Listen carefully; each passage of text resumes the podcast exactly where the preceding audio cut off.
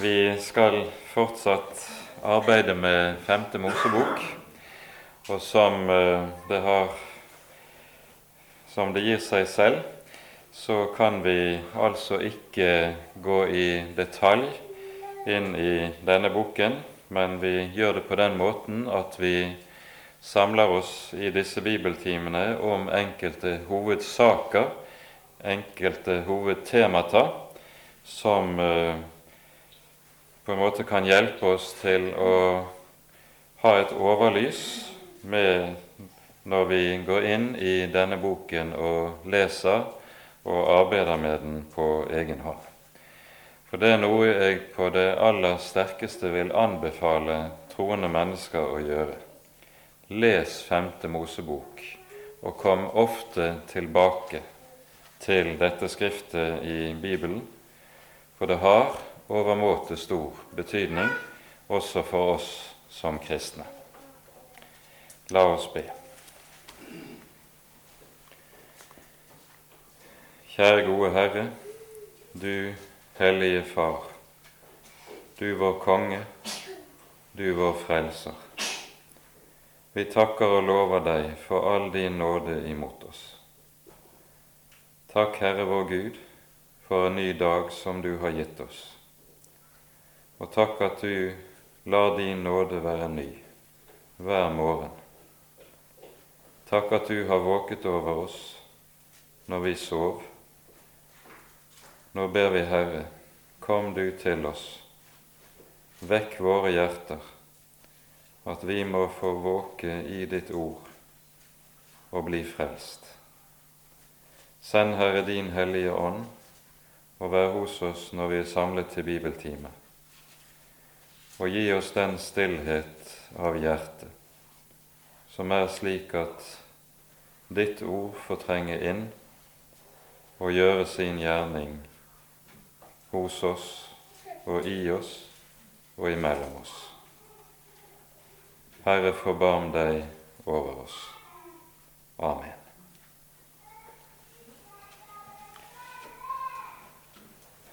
Det jeg hadde tenkt at vi i dag skulle stanse nærmere opp for, det er rett og slett det budskap i loven som vi finner i Femte Mosebok.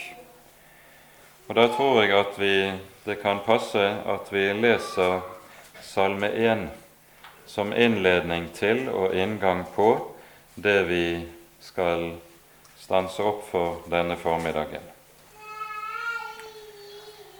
Salig er den mann som ikke vandrer i ugudeliges råd, ikke står på synderes vei og ikke sitter i spotteres sete, men har sin lyst i Herrens lov og grunner på Hans lov dag og natt. Han skal være like tre plantet ved rinnende bekker, som gir sin frukt i sin tid, og hvis blad ikke visner, og alt hva han gjør, skal han ha lykke til. Ikke så de ugudelige, men de er lik agner som spres av vinden. Derfor skal ugudelige ikke bli stående i dommen, og syndere ikke i de rettferdiges menighet. For Herren kjenner de rettferdiges vei, men de ugudeliges vei går til grunne. Amen. Kjerneverset i vår sammenheng her i formiddag, det er jo det vi her hører i vers 2. Salig er den mann som har sin lyst i Herrens lov og grunner på Hans lov dag og natt.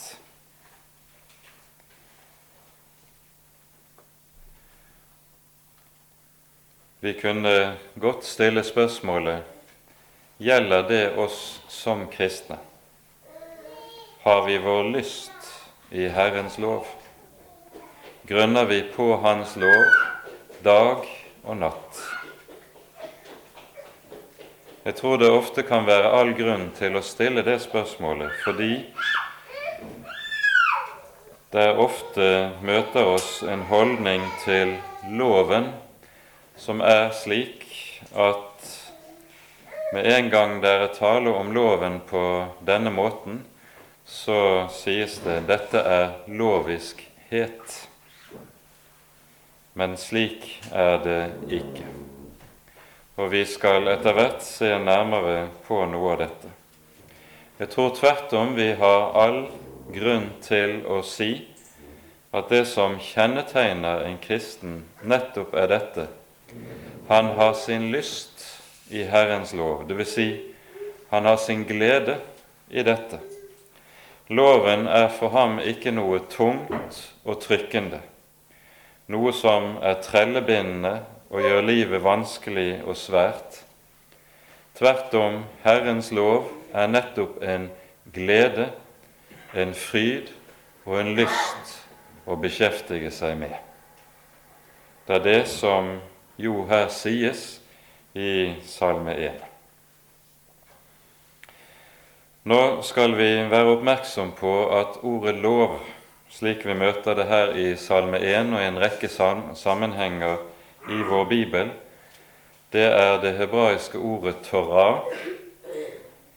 Hos jødene er jo dette navnet rett og slett på de fem Mosebøkene, som kalles for Torahen.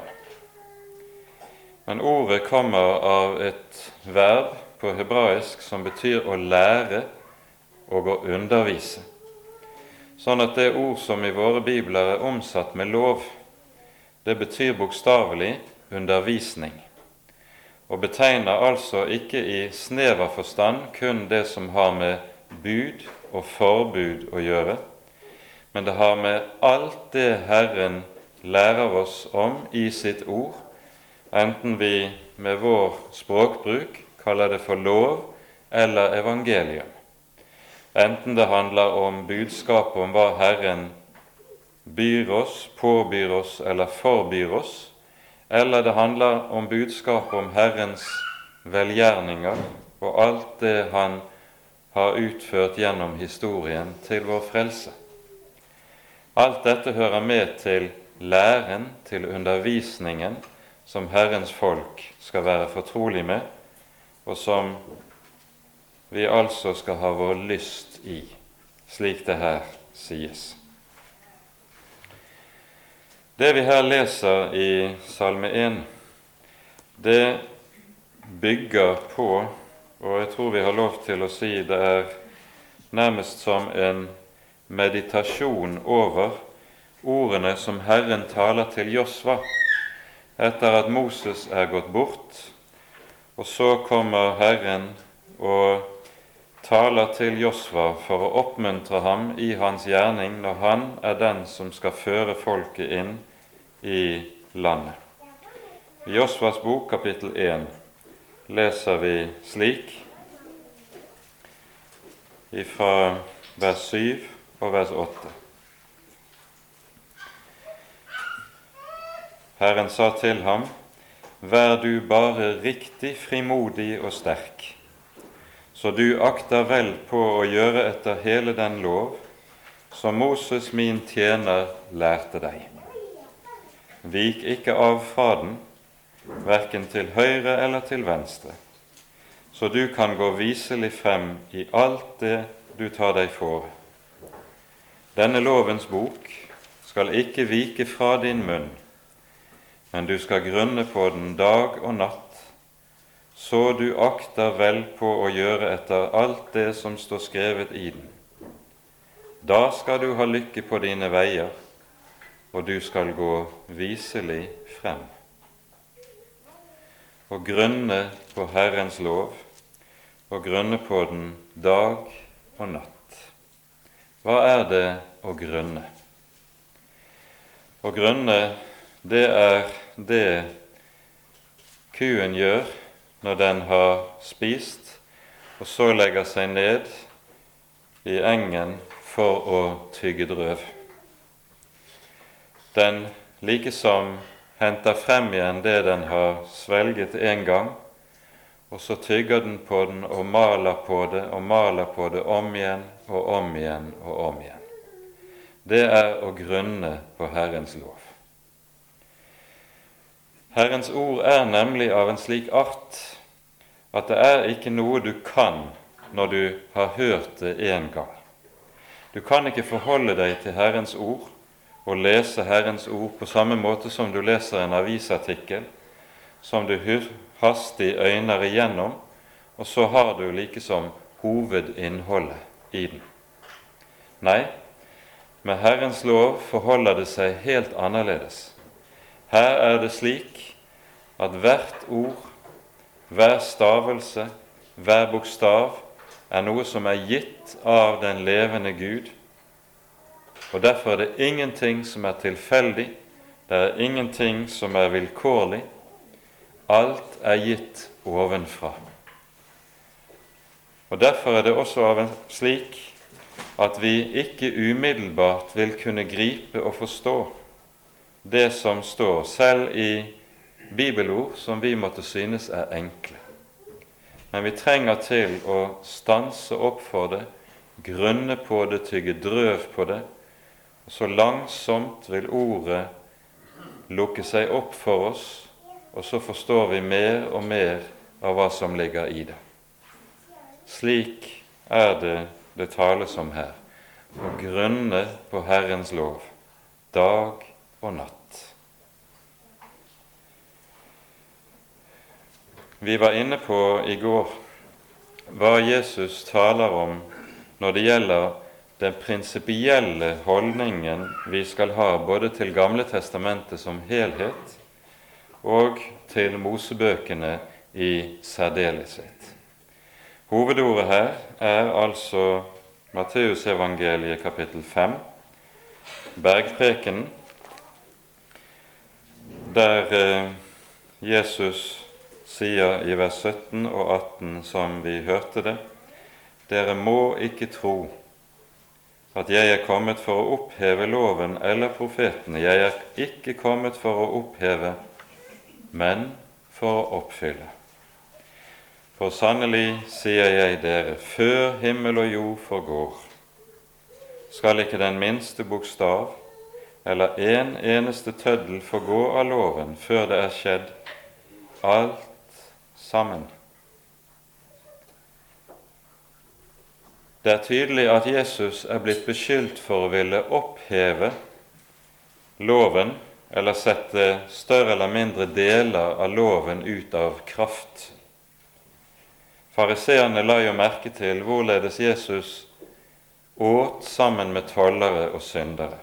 Han tok imot dem, han støtte dem ikke fra seg slik fariseerne gjorde det, eller så ned på dem. Og han hadde også en frihet i forhold til det vi kaller for fedrenes forskrifter, dvs. Si den rabbinske utleggelse av loven, som gjorde at fariseerne kunne beskylde Jesus for nettopp å oppløse forpliktelsen på loven.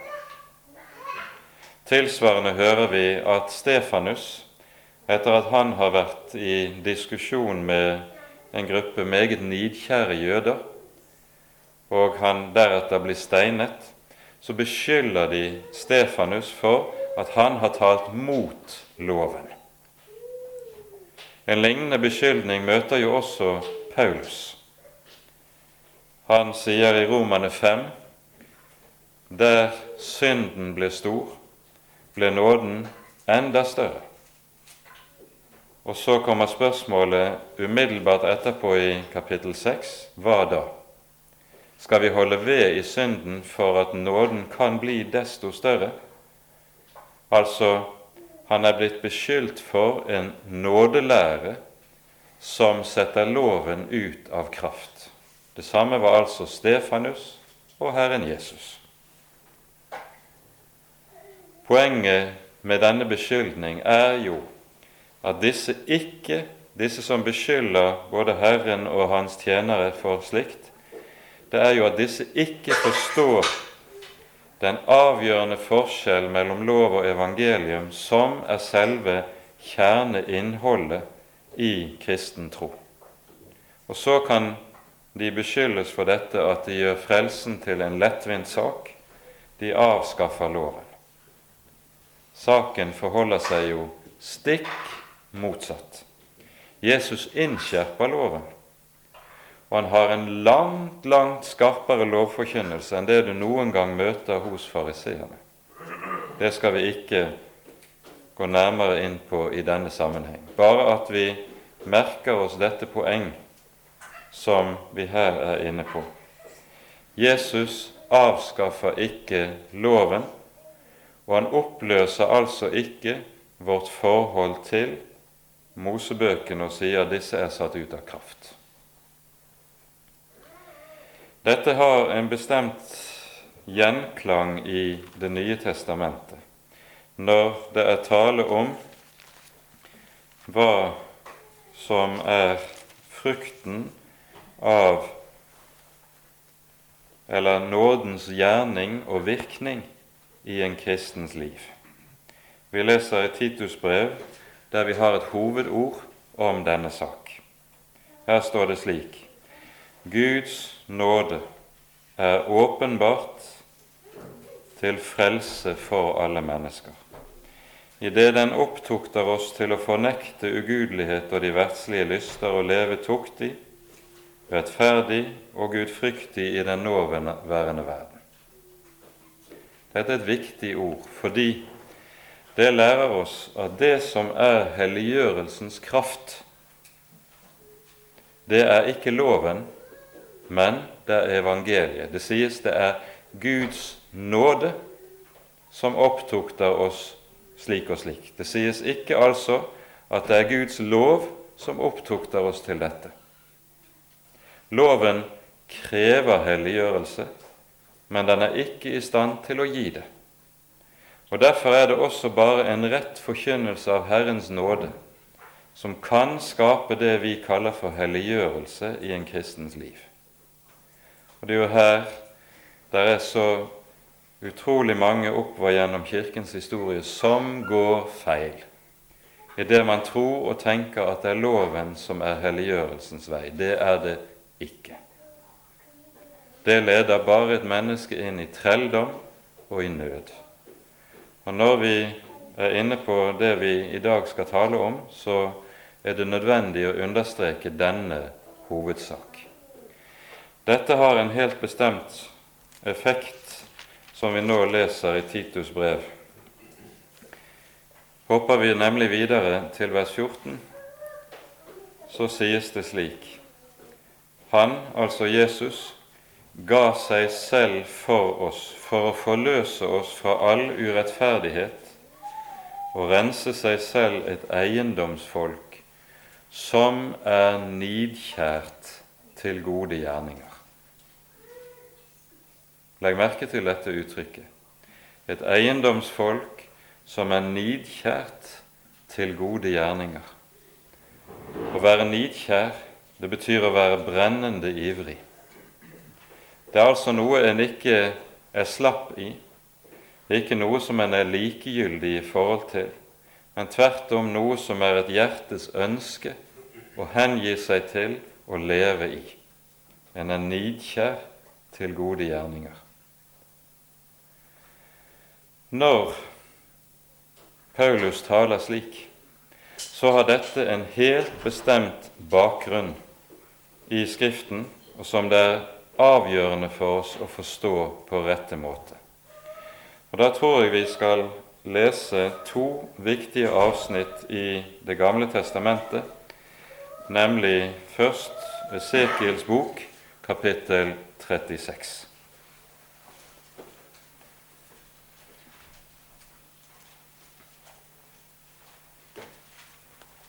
Her taler profeten Esekiel om hva som skal skje når Herren sender sin frelse i de siste tider og forløser folkeslagene ved Messias. Og denne frelsesgjerning skal innebære det vi her hører fra vers 25 av og et par vers utover. Jeg vil sprenge rent vann på dere, og dere skal bli rene. Fra alle deres urenheter og fra alle deres motbydelige avguder vil jeg rense dere. Jeg vil gi dere et nytt hjerte, og en ny ånd vil jeg gi inn i dere. Jeg vil ta bort steinhjertet av deres kjød og gi dere et kjødhjerte. Min ånd vil jeg gi inn i dere, og jeg vil gjøre at dere følger mine bud, holder mine lover og gjør etter dem. Det det her er tale om, det er den nye fødsel som skal virkes ved Messias. Jeg vil sprenge rent vann på dere. Jeg vil gi dere et nytt hjerte. Ved syndenes forlatelse fødes et menneske på ny. Det skapes et nytt liv i et menneskes hjerte. Og dette nye liv har flere kjennetegn. I denne sammenheng pekes det særlig på ett kjennetegn. Jeg vil gjøre at dere følger mine bud, og at dere holder mine lover og gjør etter dem. En av den nye fødsels fremste kjennetegn er at et menneske får det som sin hjertetrang å leve etter Herrens bud og Herrens lov.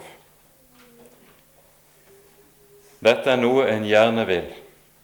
Dette er nettopp en frukt av den nye fødsel og et uttrykk for det nye livet som skapes i et kristent menneske. Samtidig er det slik med en kristen at han også har det gamle mennesket hos seg.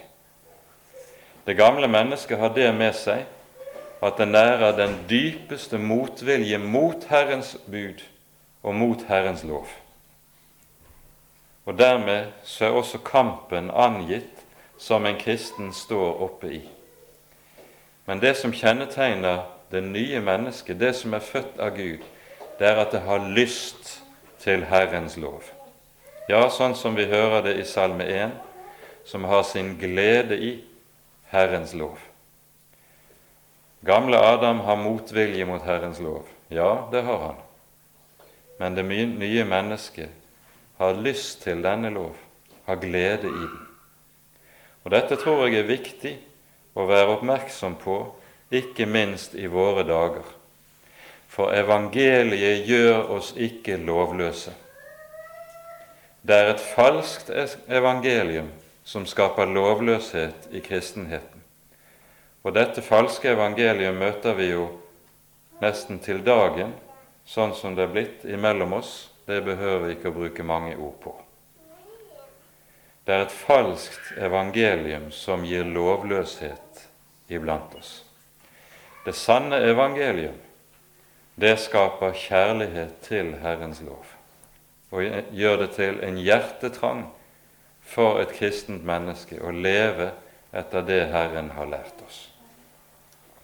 Det andre ordet er det vi hører i Jeremias bok i kapittel 31 og fra vers 31. Her leser vi fire vers. Jeremia 31, 31 34. Se, dager kommer, sier Herren, da jeg vil opprette en ny pakt med Israels hus og med Judas hus ikke som den pakt jeg opprettet med deres fedre på den dag da jeg tok dem ved hånden, for å føre dem ut av Egyptens land, den pakt med meg som de brøt, enda jeg var deres ekte herre, sier Herren. Men dette er den pakt jeg vil opprette med Israels hus etter de dager, sier Herren. Jeg vil gi min lov i deres sinn, skrive den i deres hjerter, og jeg vil være deres Gud, og de skal være mitt folk. Og de skal ikke mer lære hver sin neste og hver sin bror å si:" Kjenn Herren. For de skal alle kjenne meg, både små og store, sier Herren, for jeg vil forlate dem deres misgjerning, og ikke mer komme deres synd i hu. Den nye pakt, det er en pakt som er grunnet på syndenes forlatelse altså ikke på lydigheten mot loven, slik den gamle pakt var grunnlagt på. Men dette har den paradoksale følge og virkning at mens den gamle pakt var innskrevet på steintavler, så innskriver Herren den nye pakt på hjertets kjødtavler. Jeg vil skrive min lov i deres sinn, hører vi det lyder. Og så kommer begrunnelsen for jeg vil forlate dem deres misgjerninger. Altså dette er noe som skjer gjennom syndenes forlatelse i et menneskes liv og i et menneskes hjerte. Og Dette hører altså med til den, noe av den mest vesentlige frukt som skapes ved Guds ord i et menneskes liv. En har trang til, en har en hjertetrang til å leve etter Herrens bud og Herrens lov. En grunner på dette. Og med dette i bagasjen gir vi oss nå inn i Femte Mosebok igjen. Og på ny stanser vi opp for kapittel fire, som er så betydningsfullt på enhver måte i Femte Moseboks sammenheng. Og vi leser fra vers 1.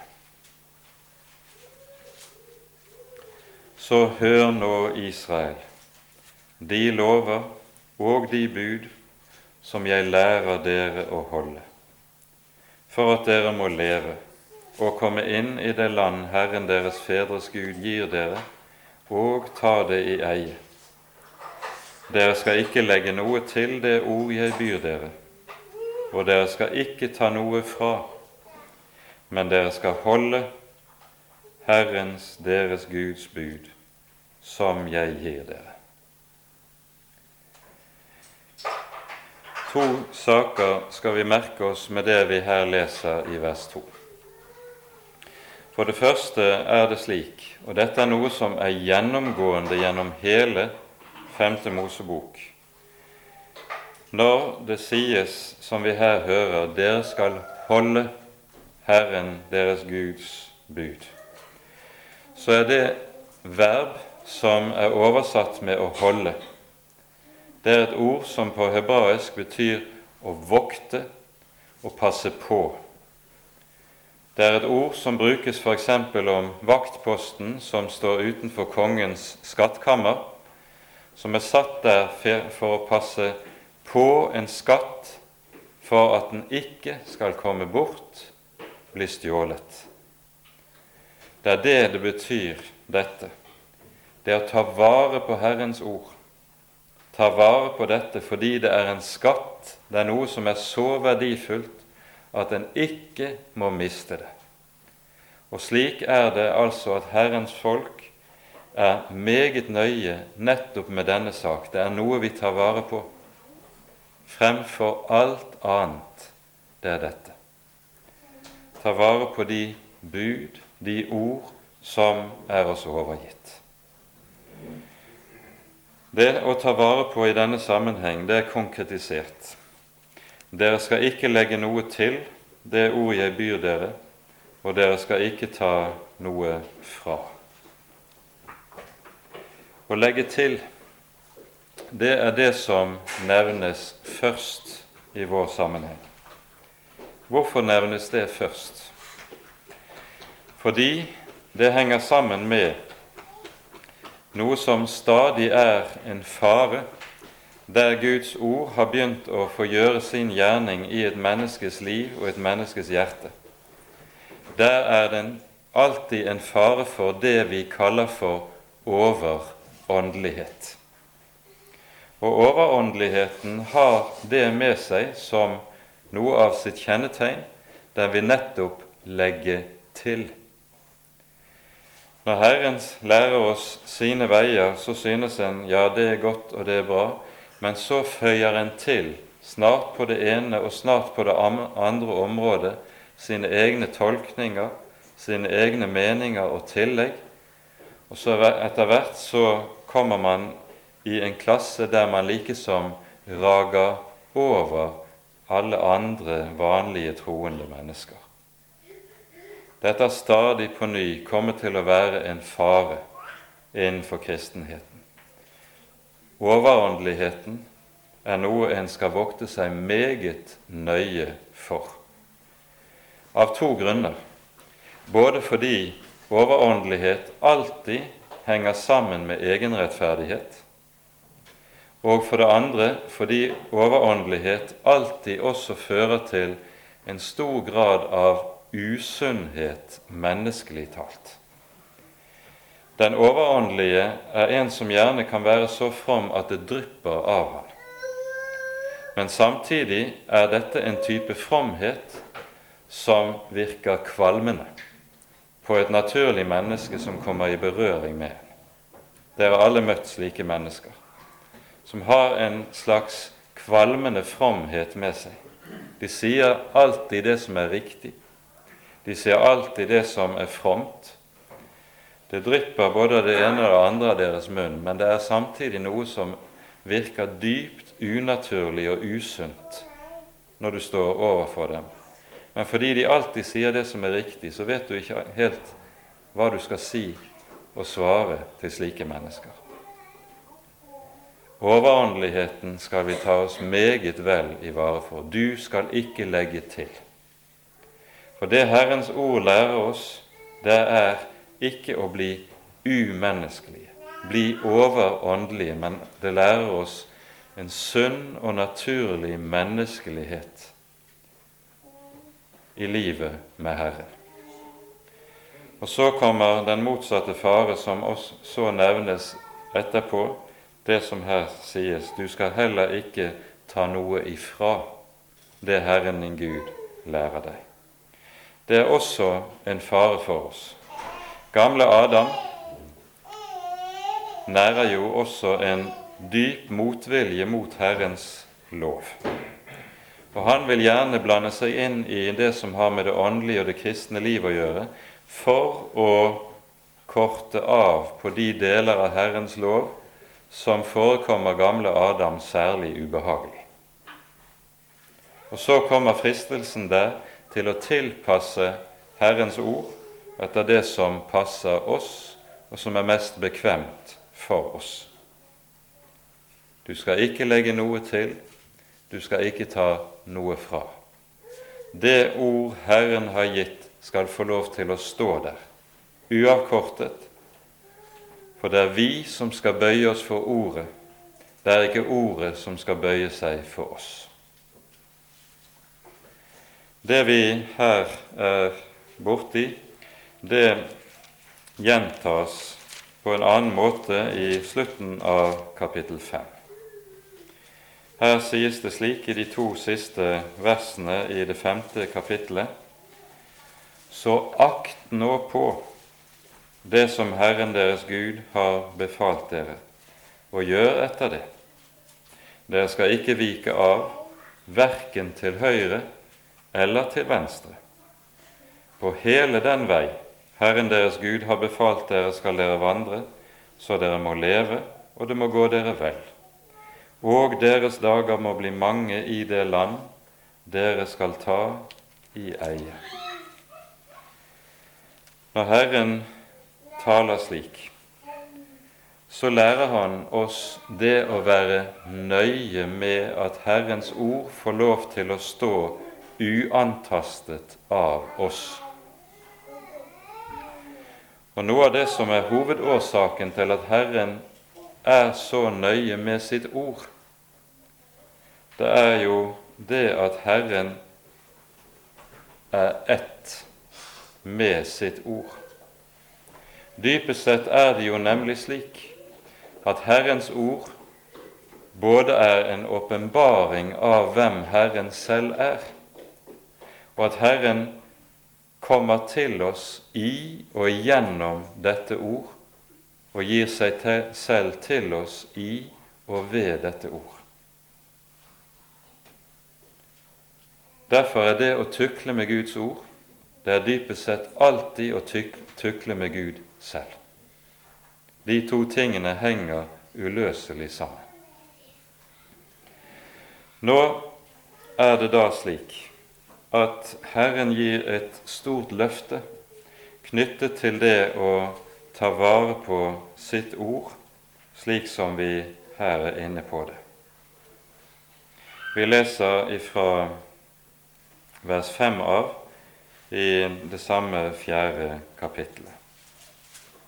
Se, jeg har lært dere lover og bud, således som Herren min Gud bød meg, for at dere skal gjøre etter dem i det land dere drar inn i og skal ta i eie. Så skal dere da ta vare på dem og holde dem. Det vil bli regnet til visdom og forstand hos dere av andre folk. For når de får høre om alle disse lover, vil de si, sannelig, et vist og forstandig folk er dette store folk. For hvor finnes der et folk, om det er aldri så stort, som har guder som er det så nær, som Herren vår Gud er oss, så ofte som vi kaller på ham? Og hvor finnes der et folk, om det er aldri så stort, som har så rettferdige lover og bud, som hele denne lov jeg legger frem for dere i dag? Det skal regnes dere som visdom. Og tar vi et sideblikk fra det vi hører om at Herren lærer sitt folk igjennom Moseloven, til det vi nå etter hvert vet om lovene i folkeslagene som Israel bodde midt iblant, så vil vi se at det er en himmelvid forskjell på den lov Herren åpenbarer sitt folk, og det du finner blant Israels nabofolk. Det er en lov som skiller dem fra de omkringliggende folkeslagene. Og det er en lov som vi om igjen og om igjen hører i Det gamle testamentet når hedninger kommer i berøring med Israel. Så forundres de. Og så er det noen som lover Herren og slutter seg til hans folk, når de lærer hans ord å kjenne. Det store forbildet og eksempel på dette er jo dronningen av Saba, som kommer og i dette så å si blir en førstegrøde av folkeslagene som kommer til Israel. I slutten av kapittel fire Vi nevnte jo at med kapittel 4 har vi avslutningen av den første, den innledende talen som Moses holder her på Moabs ødemarker. I slutten av dette kapittelet, i vers 44, så hører vi at uh, Moses uh, så å si avrunder talen samtidig som dette utgjør innledningen på den neste tale, som begynner med kapittel 5.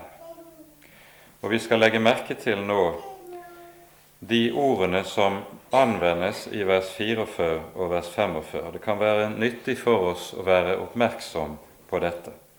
Vers 44 og 45 leser vi slik.: Dette er den lov som Moses la frem for Israels barn dette er de vitnesbyrd og forskrifter og bud som Moses forkynte Israels barn da de var gått ut av Egypt. I disse to versene så ser vi fire forskjellige ord som anvendes for å betegne det vi kaller lov eller bud. Og Ganske kort skal vi bemerke noen få ord om hvert av disse ulike begrepene. I vers 44 møter vi ordet lov, som vi altså har sagt litt om. Det er et ord, Torah, som altså egentlig betyr undervisning eller lære. Det innebefatter altså ikke kun det vi mener når vi sier lov, altså bud og forbud, men det er lære og undervisning i mer allmenn forstand. Dernest kommer det ordet som er omsatt med vitnesbyrd. Dette er de vitnesbyrd som Moses forkynte. Det er slik at en rekke av det vi hører i Mosebøkene, nettopp er vitnesbyrd. Og da er det vitnesbyrd som taler om hvem Herren er, og hva Herren har gjort. Ordet vitnesbyrd brukes altså ikke til å betegne verken bud eller forbud, men det brukes for å betegne det at Herrens folk har sett Herrens gjerninger og har erfart Hans storhet under vandringen. Og så er dette nedskrevet som vitnesbyrd i ordet. For det tredje så møter vi altså et ord som heter, her heter forskrifter. Det kommer av en stamme i hebraisk som betyr å inngravere. Det ble brukt om å gravere inn i stein. Og en forskrift, det er en befaling som er nettopp skrevet i stein, og derfor ikke kan viskes ut. Det er noe som står til evig tid. Det er det som er poenget med dette ordet forskrift. Det er noe som altså er uforanderlig og varig, og som skal stå der for alle tider. Og så til slutt det ordet som her er omsatt med bud det er et hebraisk ord som um, kommer av et verb som betyr å dømme, avsi dommer eller å bedømme. Og Det er altså et ord som da taler om hvorledes ved hjelp av Herrens, vi ved hjelp av Herrens ord og ved hjelp av Herrens lov får hjelp til å bedømme ulike forhold i livet. Her lærer vi å skjelne mellom hva som er rett og hva som er galt. Her lærer vi å bedømme de ulike forhold i livet. Og Dette er altså det som ligger i de fire ulike begrepene som her anvendes. Og det kan være nyttig for oss når vi leser Bibelen, at vi er oppmerksom på grunnbetydningen av disse forskjellige ordene. Nå er det slik at i Salme 19 så møter vi disse ordene igjen. Og her gir Herren oss store løfter nettopp knyttet til noe av dette. Det er sånn med Salme 19 at den likesom bygger videre på det vi hører i Salme 1, og knytter rike løfter til det å grunne på Herrens lov dag og natt, som vi hørte det i den første salmen. Og Vi skal ganske kort ta for oss noen vers fra vers 8 av og utover. Her står det slik Herrens lov er fullkommen. Den vederkveger sjelen. Herrens vitnesbyrd er trofast. Det gjør den enfoldige vis. Herrens befalinger er rette. De gleder hjertet. Herrens bud er rent. Det opplyser øynene. Og Legg merke til disse fire korthugne setningene i disse to versene. Først så sies det altså 'Herrens lov er fullkommen'. Den vederkveger sjel. Ordet for å vederkvege som her er brukt, det betyr egentlig å omvende. Herrens lov er fullkommen, den omvender sjelen, består det, står det bokstavelig. Og Det lærer oss det grunnleggende at et menneskes omvendelse det er noe som er en frukt av og et resultat av at Guds ord gjør sin gjerning hos oss. Omvendelse det er ikke noe jeg kan gjøre selv. Av og til så tales det jo sånn i kristen språkbruk at man sier 'jeg omvender meg'. Rett burde de egentlig si 'jeg blir omvendt', for det er Herren som ved sitt ord utfører denne gjerning i et menneskes hjerte.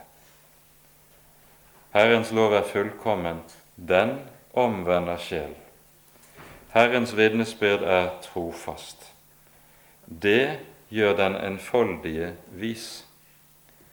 Visdom i ordets bibelske forstand, det er nettopp noe som kommer til et menneskes liv og hjerte gjennom å lytte til Herrens vitnesbyrd, nemlig vitnesbyrdet om Herrens gjerninger, om hvem Herren er og hva Han gjør.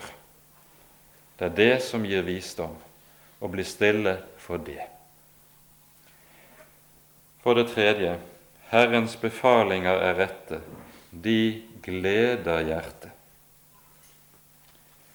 Ja, kan det nå være sant, kan en lure på når en hører det. Gir ikke Herrens befalinger hjertet sorg? Jo, når det rammer det gamle mennesket, så avslører det synd, og da skaper det sorg, og det rammer samvittigheten, og det gjør noe med oss som skaper sorg. Ja. Og det skal Herrens lov og Herrens bud sannelig gjøre. Men, og dette skal vi vite, det nye mennesket gleder seg over dette. Det nye mennesket gleder seg når det gamle mennesket dømmes. Det nye mennesket sørger ikke når gamle Adam dømmes. Tvert om, han gleder seg over det. Og Dette er en del av dette, hvor at Herrens lov gleder hjertet. Og Så merker vi altså og forstår vi i dette at her ligger det denne dobbelthet som henger sammen med dette at jeg er to personer dersom jeg er født på ny og hører Herren til. Jeg har både gamle Adam hos meg, men også det nye mennesket.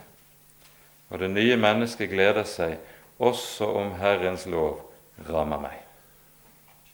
Det er viktig å være oppmerksom på akkurat den sak. Til sist sies det Herrens bud er rent. Det opplyser øynene. Og Her er vi inne på noe som er uhyre betydningsfullt for oss. Unnskyld. For det er jo slik med mange ting vi stilles overfor i livet, at det, vi både synes at vi ikke ser Vi syns det er vanskelig å skjelne og kunne bedømme ting vi stilles overfor. Vi har vanskelig med å finne og se vei, osv. Da hjelper det lite at tankene farer hit og dit i rastløs jag og søken etter å finne løsning på tingene. Men det i stedet å bli stille, stille for Herrens ord, la Han få lov til å tale, det fører så ofte til, og det vitner mye kristen erfaring om, at brått så ser du. For da blir det slik at Herrens ord blir det som blir hjelpen og kaster lys over det du står overfor. Og så ser du, og så kan du vurdere, og så kan du bedømme hva du står overfor. Herrens bud er rent. Det opplyser øynene. Og så skjønner vi litt av hva som ligger bak når vi i innledningen til salmene taler, hører sånn som det lyder. Salig er den som har sin lyst i Herrens lov, og grunner på Hans lov dag og natt. Det å ha sin glede i Herrens ord, og i alt Herrens ord, det er noe av det som kjennetegner Guds folk. For Guds folk er nettopp ordets folk. Et folk som ikke har fått ordet som en tung byrde som ligger som en klamp om foten, men et folk som har fått ordet som en stor gave, som de gleder seg over, som de løfter frem om igjen og om igjen fordi de vet i dette ord er livet. Ved dette ord er det vi har alt vi trenger til frelse og salighet. Og så grunner man på Herrens lov. Man blir ikke ferdig med det, men gleder seg tvert om over hva som er oss gitt. Med det tror jeg tiden er gått. Det er mye mer vi skulle ha stanset opp for, men sånn er det. Vi skal snakke videre om disse ting i morgen kveld. så takker og lover vi deg, Herre, at du har gitt oss ditt hellige ord.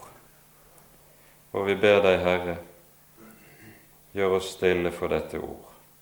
Skriv det inn i våre hjerter, og stell slik med oss at dette ditt ord får være vår glede og vår fryd alle våre dager. Ære være Faderen og Sønnen og Den hellige ånd, som var og er og være skal, en sann Gud, høylovet i evighet. Amen.